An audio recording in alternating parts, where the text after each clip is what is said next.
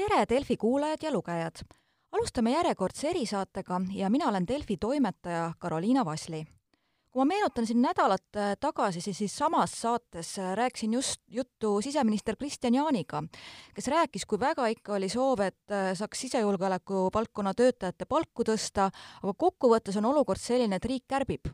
kärgib, kärbib nii Siseministeeriumi haldusala kui kõik muu ja tegelikult üks valdkond, mis on teatavasti alati olnud selline, kus paratamatult palgad ei ole kasvanud nii, nagu ka töötajad ise loodaks ja tegelikult ka kõrvalseisjad loodaks, et meie julgeolekust hoolitseda. räägime päästealast. ja külaliseks on meil täna nende ametiühingu usaldusisik Kalle Koop, tervist! tere! Ja päris alustuseks küsikski ja räägiks ka, tutvustaks meie kuulajatele, et äh, homme on oodata sellist äh, virtuaalset meeleavaldust südapäeval, et äkki räägite lähemalt, mis endalt, endast täpsemalt kujutab ja kui palju päästjaid seal osaleb? Äh, virtuaalne meeleavaldus, selle eesmärk on siis tegelikult, et viidata, et turvalisusele tänased tegevused ei pruugi mõjuda kõige paremini. Seal on oodatud tegelikult osalema kõikide päästekomandode ja pommigruppide teenistujad ja eeldatavalt ka tegelikult info selle ürituse toimumise kohta meie andmetel peaks olema nende kõigini jõudnud. Täpset osalejate arvu mul tegelikult on nagu raske öelda selle tõttu, et Ähm, me ei ole nagu seda nii täpselt kaardistada üritanud, aga me usume, et see saab olema kõrge, sest tagasiside on väga positiivne, need teemad kõnetavad tõsiselt päästjaid. päästjad ju on oma olemuselt meeskonnatöötajad, me oskame tegelikult üksteisega arvestada ja peamegi arvestama ja me oskame ka probleemide puhul kokku hoida. ja kui rääkida nüüd üritusest lähemalt, siis see on põhimõtteliselt planeeritud nii, et äh, täpselt kell kaksteist rivistuvad päästjad tulekustutusriietustes, päästeautod ette, täpselt nii, nagu nad päästesündmustele tulevad. Enamuses komandodes on tegelikult olemas ka sellised plakatid äh, sõnumitega, mis on suunatud äh, poliitikutele, meelde tuletamaks nende lubadusi. ja kindlasti, mis on nagu plaanis, et päästjad teevad seda oma lõunaajast, mitte ei kasuta seda tööaega, vaid isiklikust ajast. jälgitakse kõiki turvanõudeid ja üldjuhul osaleb selles ürituses äh, valvemeeskond kui me ka räägime sellest probleemi juurtest, siis ma ütlen, ka ise olen meedias päris kaua töötanud ja meenub päris palju selliseid protestiaktsioone tegelikult päästjate poolt, aga kui me vaatamegi siin, ütleme, viimased kümme aastat pärast eelmist majanduskriisi, et kuidas palga ülesminek või paigalseis täpsemalt on välja näinud ja kui vaatame ka tänast päeva võrreldes kas või Eesti keskmise palgaga, et kuidas päästjatel läheb? Noh, see tähelepanek vastab tõele, et äh, see palgaprobleem võitleb väga visalt lahendusele vastu.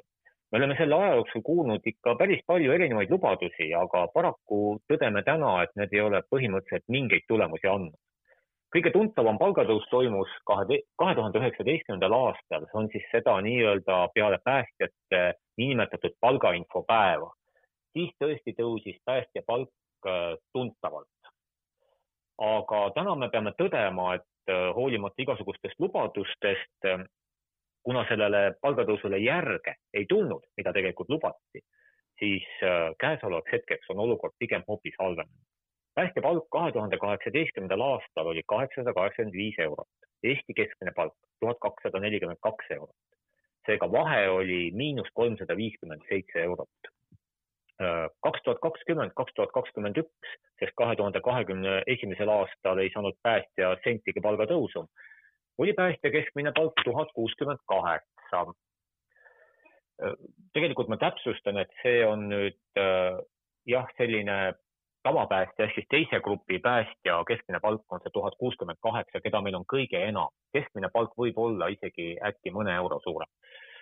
aga siis versus Eesti keskmine palk tuhat nelisada nelikümmend kaheksa eurot, on vahe juba miinus kolmsada kaheksakümmend eurot, see tähendab, et vahe on tegelikult kasvanud. ja tundub nii, et kuna kahe tuhande kahekümne esimesel aastal jätkavad äh, palgad kasvu, siis tegelikult see vahe kasvab veelgi. ehk siis me tänast seisu päris ei oskagi öelda, ma usun, et see on juba suurusjärgus võib-olla nelisada eurot või enamgi.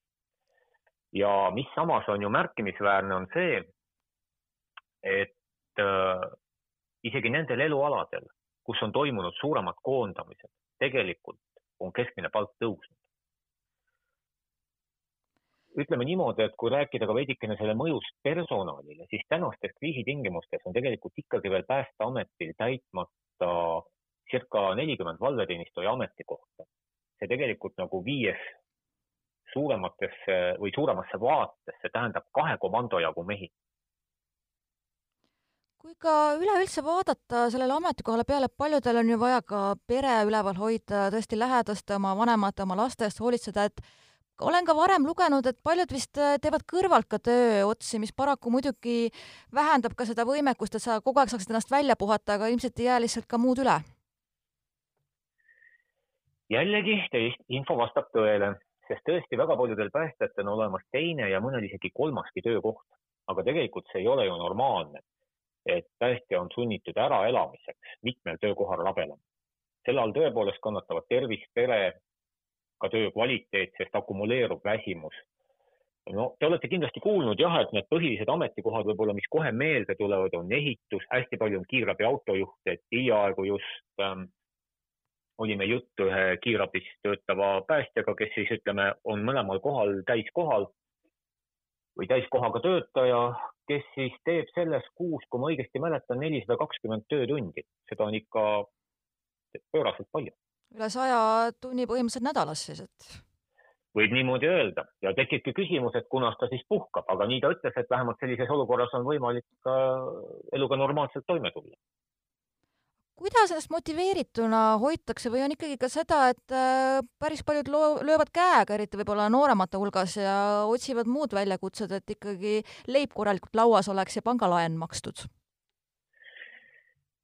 no ütleme niimoodi, et äh, väga paljud päästjad on sellised äh, altruistliku suundumusega, ehk siis, et neil on siiras soov aidata, et neid hoiabki nagu seesama, see soov aidata, panustada turvalisusesse, äh, elukeskkonda, et see hoiab neid ameti juures, kuigi nad teavad tegelikult hästi, et nad ei ole noh, vastavalt oma tööpanusele väärtustatud.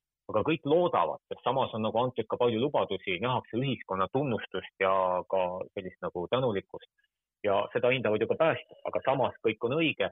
lõputult ju heade sõnades töötada ei saa, lapsed tahavad koolitamist, arved tahavad maksmist, kusagil on tarvis elada ja siis on tõesti tihti niimoodi, et see noor päästja, kes tuleb koolist täis teotahet, luues pere, perekonna, peale seda lahkub ametist ja läinud ta meie jaoks ongi.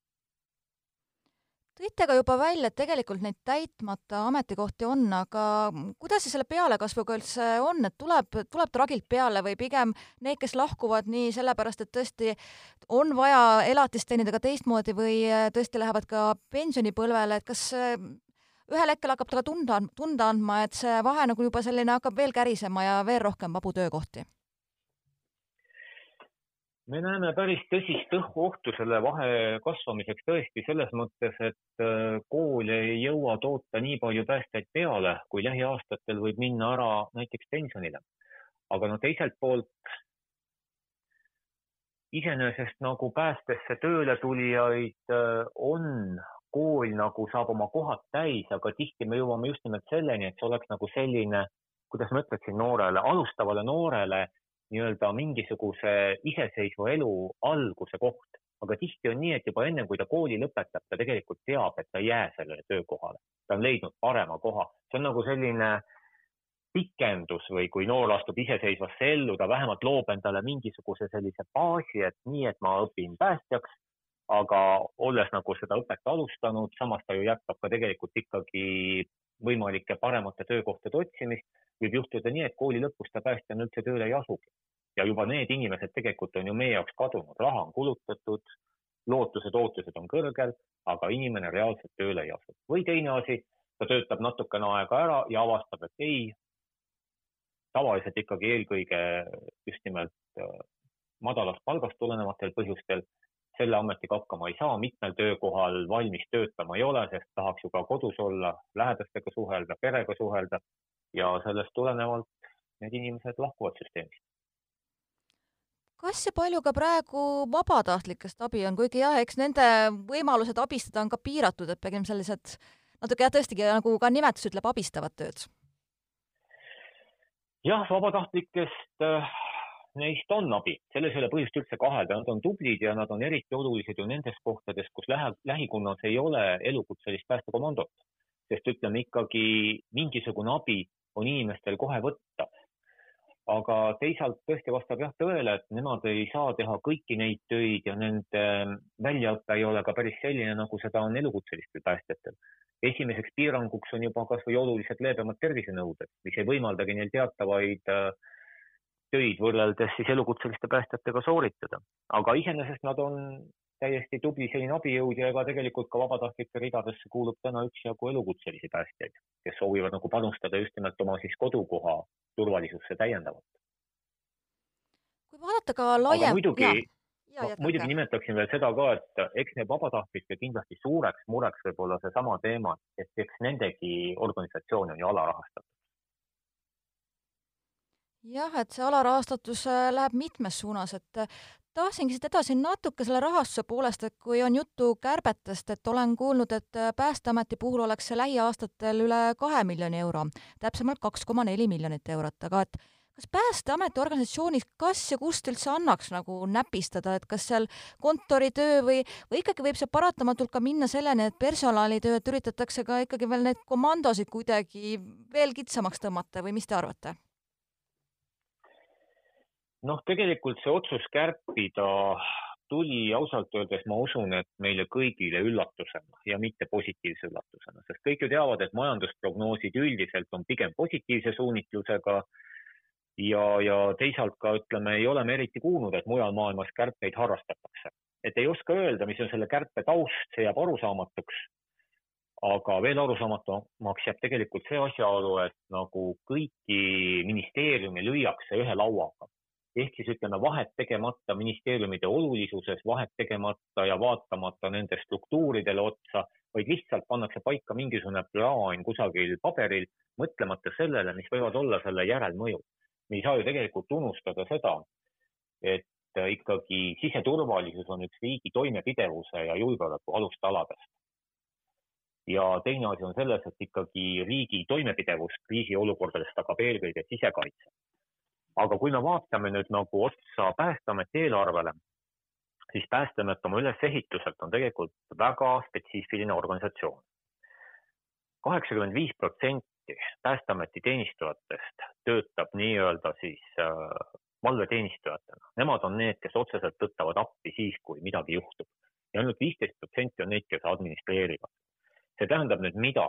et kui Päästeameti personali eelarves on põhimõtteliselt äh, viiekümne euro, viiekümne miljoni euro suurune palgakulu, siis äh, seitsmekümne viiest miljonist see maha võttes jääb järele ainult kakskümmend viis miljonit. siit nüüd tuleb maksta ära kinnisvarale, ütleme meie hoonete haldused, see on suurusjärgus umbes kümme miljonit ja tegelikult tegevuskulusid on viisteist miljonit kogu asutuse peale. kütused, koolitused, varustuse ostmine, remontimine et me ei näe siin erilisi kärpekohti. võib-olla tõesti kusagilt mõned eurod on võimalik võtta, aga need kõik tegelikult avaldavad negatiivset mõju. et on äärmiselt ebamõistlik hakata siseturvalisust tagava asutuse eelarvet kärpima. see ei saa toimuda sellisel moel, et see ei mõjutaks elanikkonna turvalisust, et see ei mõjutaks abi kvaliteeti ja kättesaadavust. kui rääkida nii positiivsest kui ka negatiivsest stsenaariumist, võtame kõigepealt positiivsema, et äh, kindlasti ka ametiühing on siin ministeeriumi ja minister Kristjan Jaaniga suhelnud, et mis oleks see selline optimistlik lahendus või kas või kuidas oleks võimalik äh, ka järgnevatel aastatel näiteks palgatõusuga edasi minna, ka siiski kärpekavas leida mingit konsensusi, et mis te nagu ise näeks sellise nii-öelda hea stsenaariumina? hea stsenaariumina näeksime seda, et äh, nii Päästeametis kui mina leian, et ka absoluutselt õige oleks kogu sisejulgeolekusüsteemis eelarvekärbet ei toimuks, sest lihtsalt sisejulgeoleku olukord, ütleme, riigi toimepidevuses on nii oluline. ja teine asi, et toetust leiaks ja järgitaks siseministeeriumi poolt välja töötatud siis palgatõusude kava, mida päästealatöötajate ametiühing täiesti heaks kiidab, see on siis see, et eesmärk kahe tuhande kahekümne viiendaks aastaks on saavutada ühe koma kahekordne Eesti keskmine töötasu samas muidugi, mida ma siin nagu näen sellise ohukohana, et kui meil täna on juba probleeme selleks, et saavutada nii-öelda Eesti keskmine töötasu kahe tuhande kahekümne kolmandaks aastaks, siis millisel moel me loodame saavutada kahe tuhande kahekümne viiendaks aastaks ühe koma kahekordse. kas tegemist võib olla jällegi ainult lubadustega ja prooviga lükata nii-öelda probleemi lahendamine järgmiste valitsuste kaela? Hetkel selline mulje kahjuks jääb. aga me nagu peamegi oluliseks äh, juhtida just nimelt tähelepanu, et esimene asi ja esimene ülesanne peaks valitsuse jaoks olema ikkagi lubaduse täitmine. et see oleks nagu selline positiivne pool, aga kas nüüd oli mõte ka selles, et negatiivsest rääkida? Kui jah, et ütleme, korraldate ka siin meeleavalduse, juhite nendele probleemidele tähelepanu, aga kui midagi ei muutu ja kui ka kasvõi aasta pärast oleks täpselt sama olukord, palgad on samad ja ikkagi kärpekirves ka laastab, et mis siis võivad äh, sellel tagajärjed olla? no kaheldamatult selle tagajärgedeks on elanikkonna turvalisuse langus. et ennist me rääkisime just Päästeameti eelarve struktuurist, siis tegelikult, kui nüüd nagu tuleb otsida kärpekohti, siis need kärpekohad kaheldamatult jõuavad ka personalieelarvesse. kui kärpekohad jõuavad personalieelarvesse, siis vältimatult puudutab see ka inimeste ametikohti, mis tähendab kindlasti ka seda, et äh, tõenäoliselt koondatakse ka päästjaid, neid, kes reaalselt sündmustel appi tulevad ja võidakse sulgeda ka komandosid. aga see juba tähendab nendele inimestele, kes siis nende komandode mõjupiirkondadesse jäävad, et abi kättesaadavus halveneb, turvalisus väheneb ja kui me hakkame siin vaatama ja rääkima näiteks, et see on nüüd ökonoomia, siis teise koha pealt jällegi sellistesse piirkondadesse, kus on vähem turvaline, ei taha ka investor nii meelesti, meeleldi tulla, eks, ja elanikkond kipub sealt tasapisi lihtsalt ära hajuma. ehk siis see võib väga negatiivselt mõjutada näiteks maaelu, sest noh, tõenäosus, et linnades komandosid likvideeritakse, saab olema üks väga, väga minimaalne igal juhul meie näeme siin nagu väga, väga tõsist ohtu. Ja tegelikult ju ei tohiks unustada seda, et äh, kogu majanduse ja kõigi võib-olla siis ütleme, inimeste tööde tegemiste selline efektiivsus ja tulemik, tulemuslikkus tugineb ju turvatundel, sa tead, et kui midagi juhtub, sulle tullakse appi, sa tunned ennast kindlalt, sa ei pea mõtlema selle peale, et mis juhtub siis, kui, vaid lihtsalt sul on õigustatud ootus, kui midagi juhtub, mulle tullakse appi aga sellises olukorras sellise abi kättesaadavus kindlasti ja oluliselt väheneb. võimalik, et tuleb kaotada ka või kokku tõmmata mingisuguseid teenuseid, mis tähendab seda lihtsalt, et me ei suuda enam kõigis juhtumites anda nii professionaalset, nii kiiret, nii kvaliteetset abi natukene kõlab kui isegi ajarännak tagasi üheksakümnendatesse, ma mäletan, et siis olid ka päästjad väga vaeslapse rollis, oli isegi mure, et kui kuskil piirkonnas on kaks suuremat äh, tulekahjut korraga, et ei saa kohale minna. Ja muidugi varustusest rääkimata, et, et ei tahaks ju vahepealset arengut nii-öelda kaotada. absoluutselt, sest täna võikski öelda niimoodi, et äh, me nagu tunnetame, et me oleme just saanud järje peale, süsteemid toimivad, kõik nagu toimib. Ja nüüd me oleme hakanud lammutama ise äsja valmis ehitatud maja, mis kõige hullem, vundamendist. ja noh, kui meil ongi see meeleavaldus äh, ees, et äh, mis te ise loodate, mis nagu siis võiks olla sellised esimesed sammud, et kas ministeeriumi poolt on ka tulnud mingeid signaale, et lähiajal jälle koos maha istuda, arutada variante, et äh, kas taevas on nii-öelda sinine või ikkagi tume? Ministeeriumi poolt äh, praegusel juhul, kuna ministeerium on just nimelt initsiaator sellele palgatõusu kava väljatöötamisele ja kõigele muule, ma arvan, et ministeerium on teinud oma tööd päris hästi. aga tegelikult see otsus ju kõige enam seisab poliitilise tahte taga. meil on korduvalt kinnitatud seda, et päästjate palga tõstmine Eesti keskmisele tasemele ei ole riigieelarve vaates mingi ületamatu probleem. paraku järelikult ei ole olnud siis seda poliitilist tahet, et see otsus ära teha ja me ootame, et see tahe leitaks sest päästjad on samasugune oluline osa riigikaitsest, sellest, et elanikkond saaks ennast turvaliselt tunda. ja ütleme siis niimoodi, et ähm, me nagu pole siiamaani nagu selles mõttes äh, päris hästi nagu selle aru saanud, et ütleme, mis on siis see pidur olukorras, kus äh, kõik erakonnad on põhine, põhimõtteliselt rõhutanud ja nõus olnud, et siseturvalisuse töötajaid, sealhulgas päästjaid, tuleb kindlasti vääriliselt tasustada, aga ometigi seda millegipärast ei tehta. kõik erakonnad on selle ära maininud, see on olnud juba kahes viimases koalitsioonilepingus sees, aga seis on ikkagi sama rööstitu, nagu ta oli juba võib-olla siin mõnda aega tagasi, vähemalt palga osas. mis puudutab varustust, siis see on läinud oluliselt paremaks aga jällegi me ei tohi unustada seda, et raud ja betoon inimesi ei päästa. just nimelt ikkagi päästjad on need, kes sellesama töövahendiga töötavad appi tõtates ja kes siis selle päästmise protsessi teostavad. virtuaalne päästja ei päästa, seda pole olemas aga igal juhul äh, aitäh taustast rääkimast ja jõudu-jaksu oma tegemistest ja loodetavasti ka näeme seda, et päästjad on ikka motiveeritud kindlasti nii ehk naa oma sellisest sisemisest jõust selle missiooni suhtes, aga ka vääriliselt tasustatud. päästjad annavad kindlasti oma parima, aitäh teile